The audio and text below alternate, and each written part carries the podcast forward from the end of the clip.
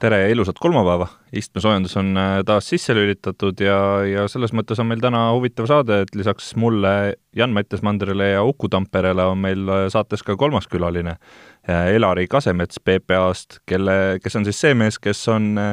eelmisel nädalal palju kõmu tekitanud äh, rahunemispeatuste taga, et räägimegi Elariga natukene, mida need rahunemispeatused äh, endast täpselt kujutavad, kuidas sellisele ideele jõuti ja, ja kas need ka päriselt äh, meie liikluses nii-öelda kasutusele tulevad. Samal ajal räägime tema ja Ukuga veel loomadest veel, sellest, kuidas nende mõju meie liiklusele on ja ja teeme sellise natuke nipinurgaliku lähenemise, et kuidas loomadele otsasõitu vältida proovisõiduautoks oli sel nädalal äh, Ford Focuse kaks erinevat versiooni, millega mina ja Uku oleme sõitnud ja, ja proovisõidunurgas siis räägimegi nendest natukene lähemalt.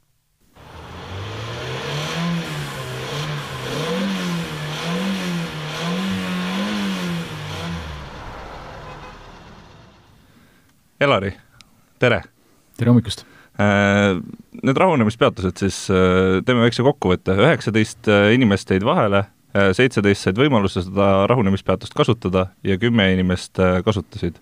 et äh, mida me tegelikult väga ei tea, et okei okay,, on olnud mingeid väikseid klippe ja, ja videosid ja, ja pilte, et kuidas need inimesed tegelikult kogu selle asja juures tundusid, kas nad ise olid nagu pigem rahul sellega, kas nad võtsid selle valiku pigem vastu sellepärast, et midagi muud ei jäänud üle või, või missugune see meelestatus oli inimestel?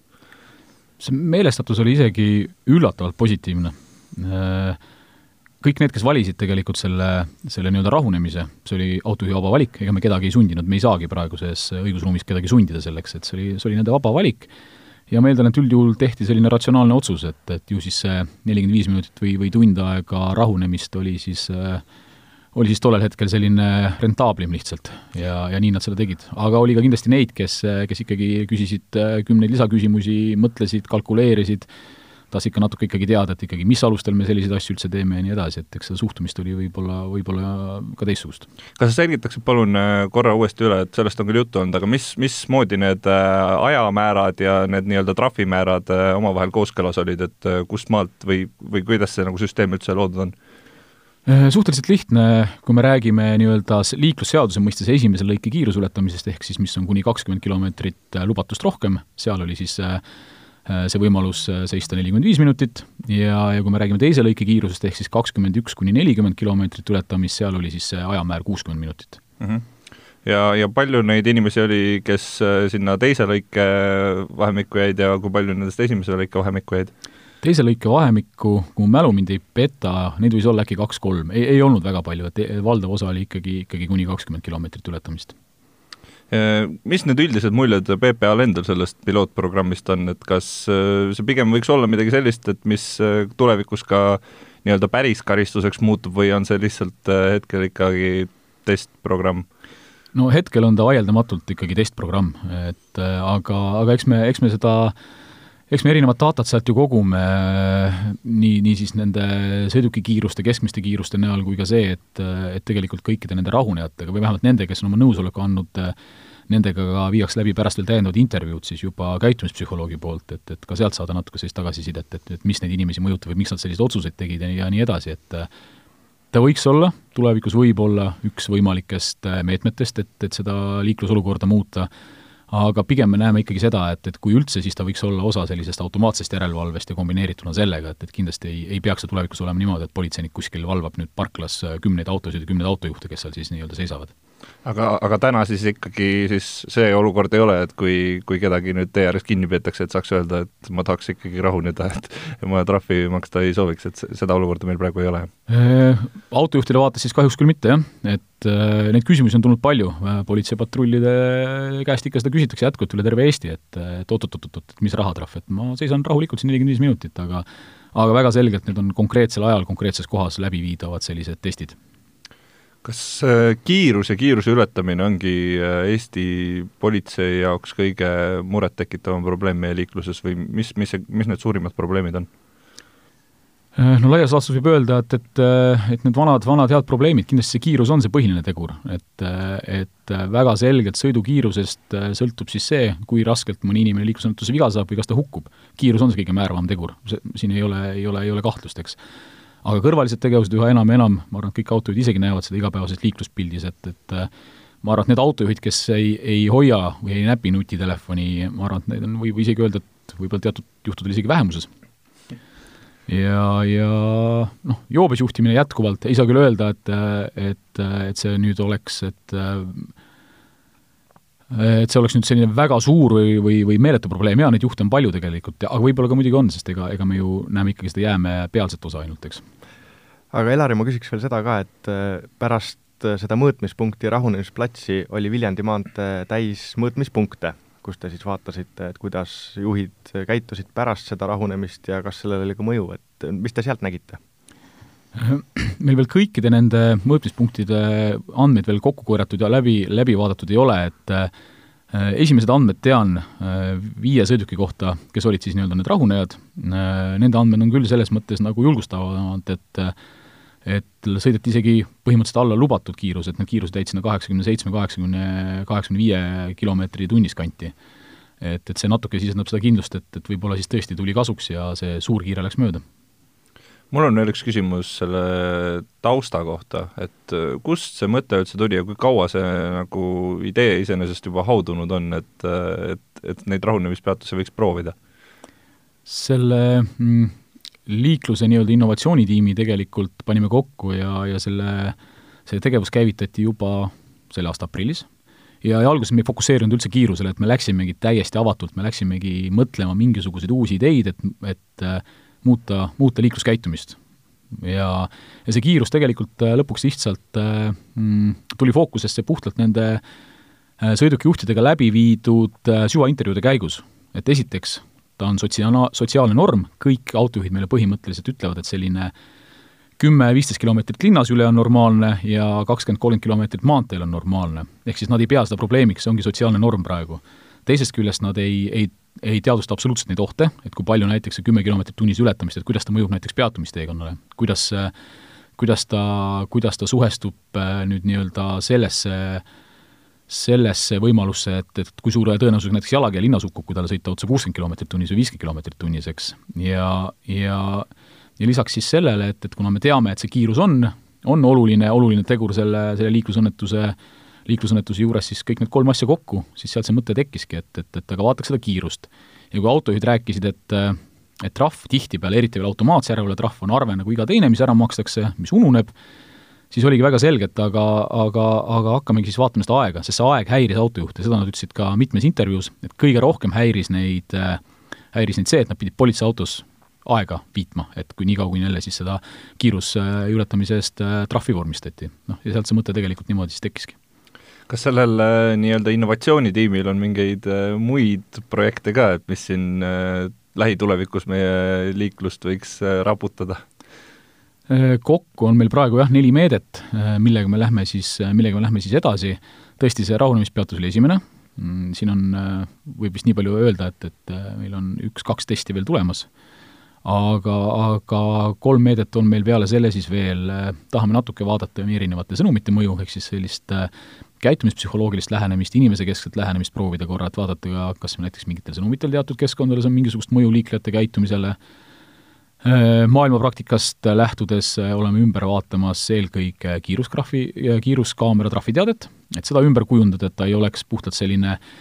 kaks lehte juriidilist teksti ja link siis, kus saab, äh, kus saab trahvi ära maksta, vaid, vaid, vaid vaadata ka seal, et, et, et, et sealt mingisugust mõju, mõju saavutada. Ja, ja, ja vaatame natukene ka seda tehnoloogia poolt, tehnoloogia poolt meie, meie maanteedel, tänavatel, et, et oleme siin mänginud mõttega, et, et ära kasutada äh, kiirustundlikke foore, mis siis vastavalt äh, reageerivad küll äh, seda või reguleerivad seda fooritsüklit, eks näiteks, et ta ei lahe, lase fooritsükli ennem minna roheliseks, kui, kui see sõiduk, kes kiirust ületas, on seiskunud, aga tuua võib-olla natuke juurde sinna ka seda, seda teadmist, et näiteks ongi mingi infotabloo, mis ütleb, et aga te seisate sellepärast, et üks teie hulgast ületas kiirust. natuke radikaalsem variant on see, et veel panna veel see ületaja autonumber ka sinna, siis öeldakse, et kuulge, et vaadake, te seisate sellepärast, et, et see auto selle numbriga sõitis seitsekümmend kilomeetrit tunnis praegu aga noh, see on selline võib-olla radikaalsem variant, mida me võib-olla ei kasuta. Äh, mis need äh, markantsemad näited teistest riikidest on, et kuidas äh, selliste kiiruseprobleemidega tegeletakse, et äkki on mingeid muid lahedaid lähenemisi kuskilt, äkki tead? puhtalt järelevalve poole pealt kindlasti mida ju tegelikult hästi palju kasutatakse, on ikkagi keskmise kiiruse mõõtmine, veapunktisüsteem, mis minu mäletamist mööda on Eestis arutelu all olnud kuus-seitse aastat kindlasti, millega ei ole kuhugi jõutud, aga hästi palju on kindlasti sellist liikluskeskkonna, liikluskeskkonna ümber disainimist, et väga lihtsad asjad, jään praegu vastuse võlgu, ei mäleta, mis riigis see oli, aga näiteks tee äärde istutud puud.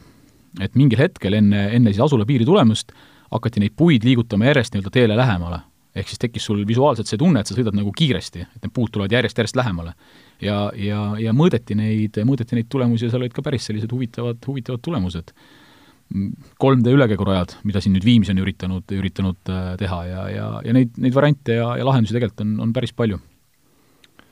aga lähme siis edasi äkki loomadega, Uku? On... kui meil teine teema on jah, loomad, et sa enne mainisid siin, Elari, et äh, see kiiruse ületamine, et seal üks suurim probleem on siis nii-öelda see liiklusõnnetuste tagajärgede raskusaste, aga teine asi on peatumisteekond, et kui meil on siin niisugune infokild, et umbes kümme tuhat liiklusõnnetust iga aasta on metsloomadega,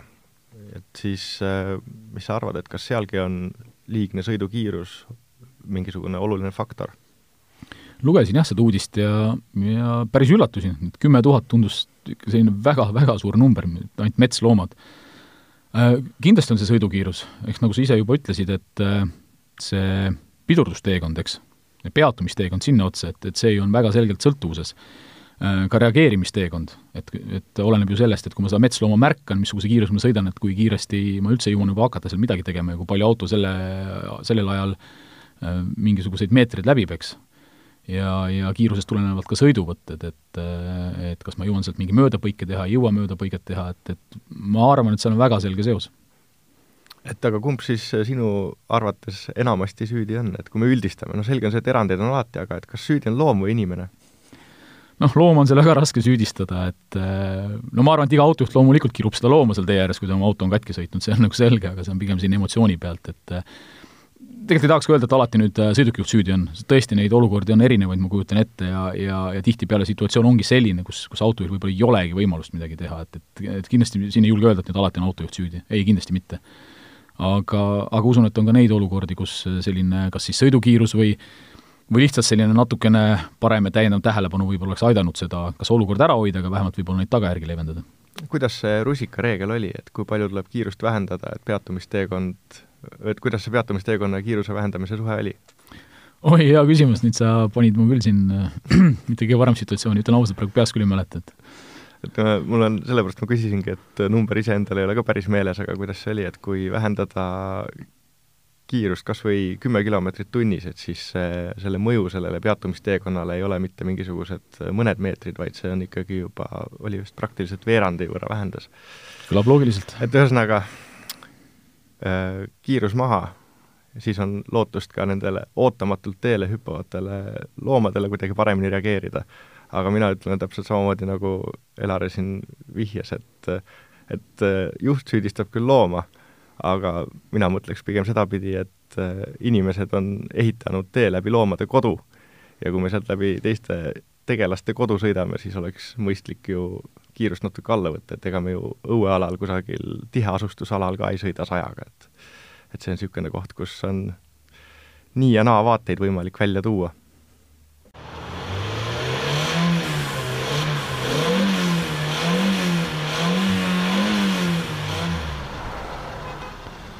ja nagu lubatud, siis äh, räägime teile veel Ford Focusest. Uku äh,, oskad sa täpselt öelda, millise Ford Focusega te sõitsite, ega neid on ju lademetes? Neid on jah, universaal ja tavaline luukpära ja sedaan ja siis on veel igasugused mullilaadsemad versioonid ka selle baasil tehtud, aga meie sõitsime sedaankerega Focusega. oo oh,, sedaankerega, siis on meil ju täiesti erinevad autod, millega me oleme sõitnud, sest et mina sõitsin äh, luukpära ST Line'iga. Ja mitmeliitrine mootor seal? ühesega. siis on vähemalt mootor on sama äh,? jah, ja, ja tegelikult äh, no ma ütlen ausalt, et ega ma sellest autost äh, suurt midagi ei oodanud ja, ja mingis mõttes ta vastas nendele ootustele ja mingis mõttes ta ei vastanud nendele ootustele. et tegelikult ma, võib-olla see, mida ma sealt kõige rohkem kaasa tooks sellest proovisõidust, on see, et ma tegelikult tahaks veel proovida Fordi, aga mitte ST Line'i, vaid siis võib-olla ST-d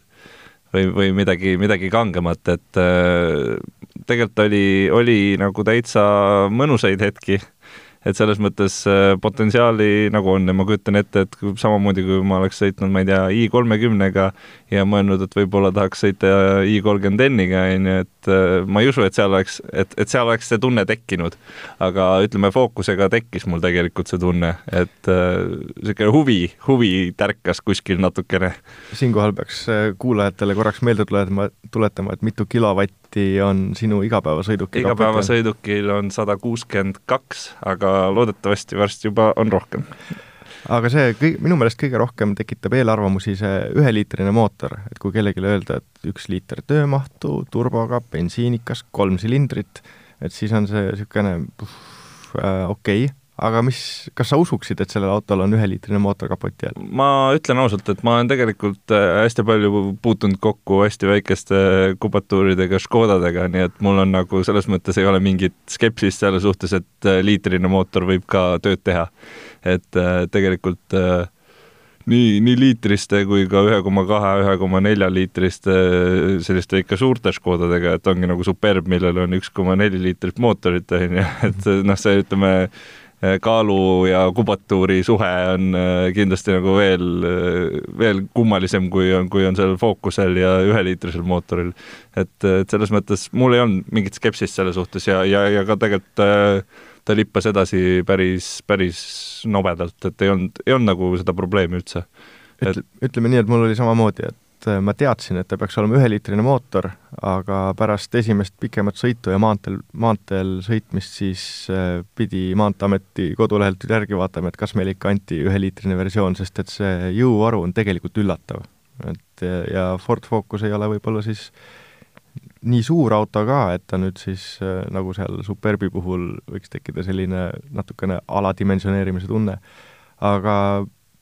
aga ongi, et ühest küljest on jõudu täiesti piisavalt, ta teeb isegi niisugust huvitavat äh, põrisevat häält. ilus hääl oli jah ja., või nagu ilusam hääl kui keskmisel liitrisel mootoril, ütleme niimoodi. ja siis samal ajal äh, meil õnnestus sõita proovisõidu keskmine kütusekulu hästi napilt üle viie liitri sajale. no äh, mina, mina muidugi nagu juba tavaks on saanud, sellist kulu kätte ei saanud, kuigi ma sõitsin hästi palju püsikiirushoidikuga ja hästi palju maantee peal, siis ma sain ikka lõpuks vist kuus koma kaks äkki on see sellest, et see taankere õhutakistus on natukene väiksem? ma ei ma ei tahaks uskuda. kas teil oli automaat või manuaal äh,? automaat. okei okay., mul oli manuaal, võib-olla on nagu sellest ka teatud, teatud erinevused, et eriti kui sa nagu tahad natuke lõbutseda, siis manuaal kindlasti äh, kütusekuluga nagu kaasa ei aita. aga mul jäi korraks, mul jäi kõrva see, et sa tahaksid seda autot veel proovida, et mis, mis oli see, mis on see esimene mõte, mis tuleb pähe, kui ma küsin, et miks sa tahaksid seda veel proovida? Ma ütleks, et äh, sõita tegelikult oli mõnus, ta püsis äh, hästi teel ja see mootor tundus ka mulle nagu, see tundus paljulubav äh, kõrgemas klassis, et, et kui ma -hmm. saaks veel sama, sama mootori, aga ütleme, suurema töömahuga ja, ja võimsamalt, siis äh, võiks olla midagi sellist, mis nagu võiks meeldida, et just, just see sõidukogemus oli nagu autentne, mulle meeldis väga äh, käigukang kusjuures äh, manuaalil just oli hästi balansseeritud, et see on nagu tihti noh, selliste autode puhul ei pöörata sellele tähelepanu, tavaliselt on seal lihtsalt üks plastikust jublakas ja mm, -hmm. ja mhm. ongi kogu muusika, aga tal oli nagu niisugune mõnus kaal, ta oli käepärane taga oli väga hea käike vahetada, selles mõttes oli ka nagu mõnus kogemus, ma räägin, sõidukogemus oli väga hea. minule jäi esimese asjana meelde see, et sõitjate ruum oli tohutult vaikne. et noh, jällegi see taankirega ongi vaiksem, sest seal ei ole seda kõlakoda niimoodi taga, aga noh, ka üldiselt äh, ja see, mis sa tegelikult kirjeldasid, et äh, ütleme niimoodi, et see Focuse sedaan on üks nendest autodest, mida oli mul kahju esindusse tagasi viia. et täpselt seesama tunne, et sellega on väga mõnus sõita, aga ma arvan, et seal on see Fordi geen on sees, et äh, noh, minu autoteadvus hakkab pihta üheksakümnendate lõpust ja, ja siis esimene oli just Ford Mondeo. emal oli siis selline auto ja sellega ma õppisin ise ka sõitma. ja, ja ma mäletan just seda emotsiooni, et äh, et mida ma siis autolehest lugesin igalt poolt ajakirjadest ja siis, mis sai ise proovitud, et näiteks õppesõiduautoks äh, sõidukoolis oli mul Nissan hoopistükkis. ja noh, siin võib nüüd rääkida, see on aegunud, aga too oli veel, too hetk oli veel see aeg, et kus ma võtsin kodust ema auto, sõitsin Järve keskuse juurde, istusin õppesõiduautosse ringi, tegin õppesõidu ära ja siis sõitsin pärast selle Fordiga koju tagasi. ja ma mäletan neid esimesi emotsioone, et, et ma sain aru, kuidas Ford on nagu niisugune tõsisem. Ja, ja noh, kuigi Ford tõi selle ütluse, et built to be tough äh, Raptori juures kasutusele, siis äh, see on just minu jaoks niisugune äratundmine, mis oli varasematel Fordidel, et kui näiteks äh, kahe tuhandendate alguse Cliod, äh, Peugeot, äh, Citroenid olid sellised natuke nagu plastmassised ja mänguasjalised, siis Ford seal kõrval oli selline konkreetne, soliidne, tugev. Noh, tänapäeval on muidugi kõik autod läinud enam-vähem ühelaadseks ja, ja tegelikult väga suurt vahet ei ole, et kas sa istud Citroen C3-s, Peugeot kahesaja kaheksas või või Fordis, mis iganes mudelis seal, siis lõppkokkuvõttes on nad kõik väga head sõita, aga Fordil on see üks mingisugune pisikene nüanss, et näiteks rool on mõnus jäme, sellest on hea kinni hoida. nagu sa ütlesid, see käigukang on, et sellele on tähelepanu pööratud. ja, ja siis kas või see pisikene asi, mis on näiteks tavaliselt esmaklassi autodele omasem, et kui on kole kaevuluuk, muidu hea tee, kole kaevuluuk, siis äh, paljude autodega on see, et kui sa sõidad sellest kaevuluugist läbi, siis käib kas niisugune nagu plärtsatus või no ma isegi ei räägi siin sellest, et ta raputab, aga see hääl, mis kaasneb sellega, plärtsatus, mingi nagin kuskil, et siis Ford on selline tummine rauast tükk, et ta läheb sealt nagu tumps-tumps niimoodi vaikselt ja mõnusalt läbi, et ja, ja see kõik kokkuvõttes hea istumisasend, tagaistmetel on meeletult jalaruumi et see oli nagu minu jaoks üllatav. hea istumisasend, sellega ma ei saa nõus ja. olla, et mul oli täpselt see, et see nurk, mis jääb nii-öelda põlve jaoks äh, gaasi gaasipedaali jalal, on ju, ehk siis paremal jalal, siis seal on, äh, kuna seal on see sisselülitamise nupp, on sellise Aa, nurga all, siis see on niisugune nagu vastik, selline hästi terava tipuga kolmnurk ja, ja mul nagu tihti oli see, et jalg väsis ära pikema sõidu peale, äh, sellepärast et ta oli seal nagu, tal ei olnud seda toestust, et kui ma muidu olen harjunud põlve panema sinna kuhugi mm -hmm. vastu äärt, siis seal oli selline nagu teistsugune nurk, et ma ei, ma ei saanud seda põlve sinna panna ja jalg tegelikult väsis ära, et selles mõttes oli nagu natukene, sellega oli natuke halvasti, et äh, ilmselt on mõeldud lähematele inimestele ja ei ole ette nähtud, et sul see põlv seal niimoodi kuskil külje peal tölerdab. kusjuures see emotsioon tuli jah, praegu tuttav ette, kui sa kirjeldasid, aga, aga noh, niimoodi istmikule ja üldiselt et äh, minu, minu puhul see auto nagu sobis hästi. aga noh, ennekõike jäigi meelde see emotsioon, et, et mul ei teki niisugust tunnet, et kaevuluuk teeks autole haiget või, ja, ja kõik oli selline konkreetne ja, ja noh, selle poolest on Ford juba ammu tuntud olnud, et juba see üheksakümnendate lõpu Ford oli oli nii-öelda sportlik ja konkreetse juhitavusega ja igal pool ongi kiidetud just selle juhitavust. kusjuures vanasti heideti ette kütusekulu aga et see juhitavus on tal siiamaani täiesti tipptasemel ja nüüd on siis äh, vähemalt selle üheliitrise EcoBoostiga, mis tal seal vahel oli, et äh, rahulikumal sõidul siis, siis on ka kütusekulu alla tulnud, sest et äh, et konkurendid on täitsa samadel tasemetel. no ma ütleks, et isegi võrreldes teiste sama hinnaklassi autodega, siis tegemist on tegelikult ikkagi nagu sõidukogemuse poolest ikkagi pigem meeldivama autoga, kui, kui selline autoturu keskmine on, et, et et kindlasti selle raha eest on seal tegelikult küllaga ja minu ainest. isiklik äh, nii-öelda minu kõige lemmikum osa sellest autost oli see, et, äh, et kui sportlikkus tavaliselt tähendab jäika vedrustust enamike autode puhul, siis äh, see on nagu üks koht, kus noh, ma ei, ma ei ütleks, et Ford nüüd pehme on,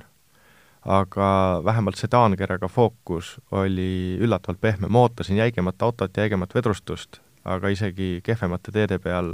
et see oli niisugune asi, mis mulle silma jäi, et kehvemate teede peal oli täitsa okei okay sõita. ta ei raputanud, ei raputanud nii hirmsasti. aga jaa, selline normaalne pereauto, mis erineb selle poolest, et ta on, tundub niisugune tugev,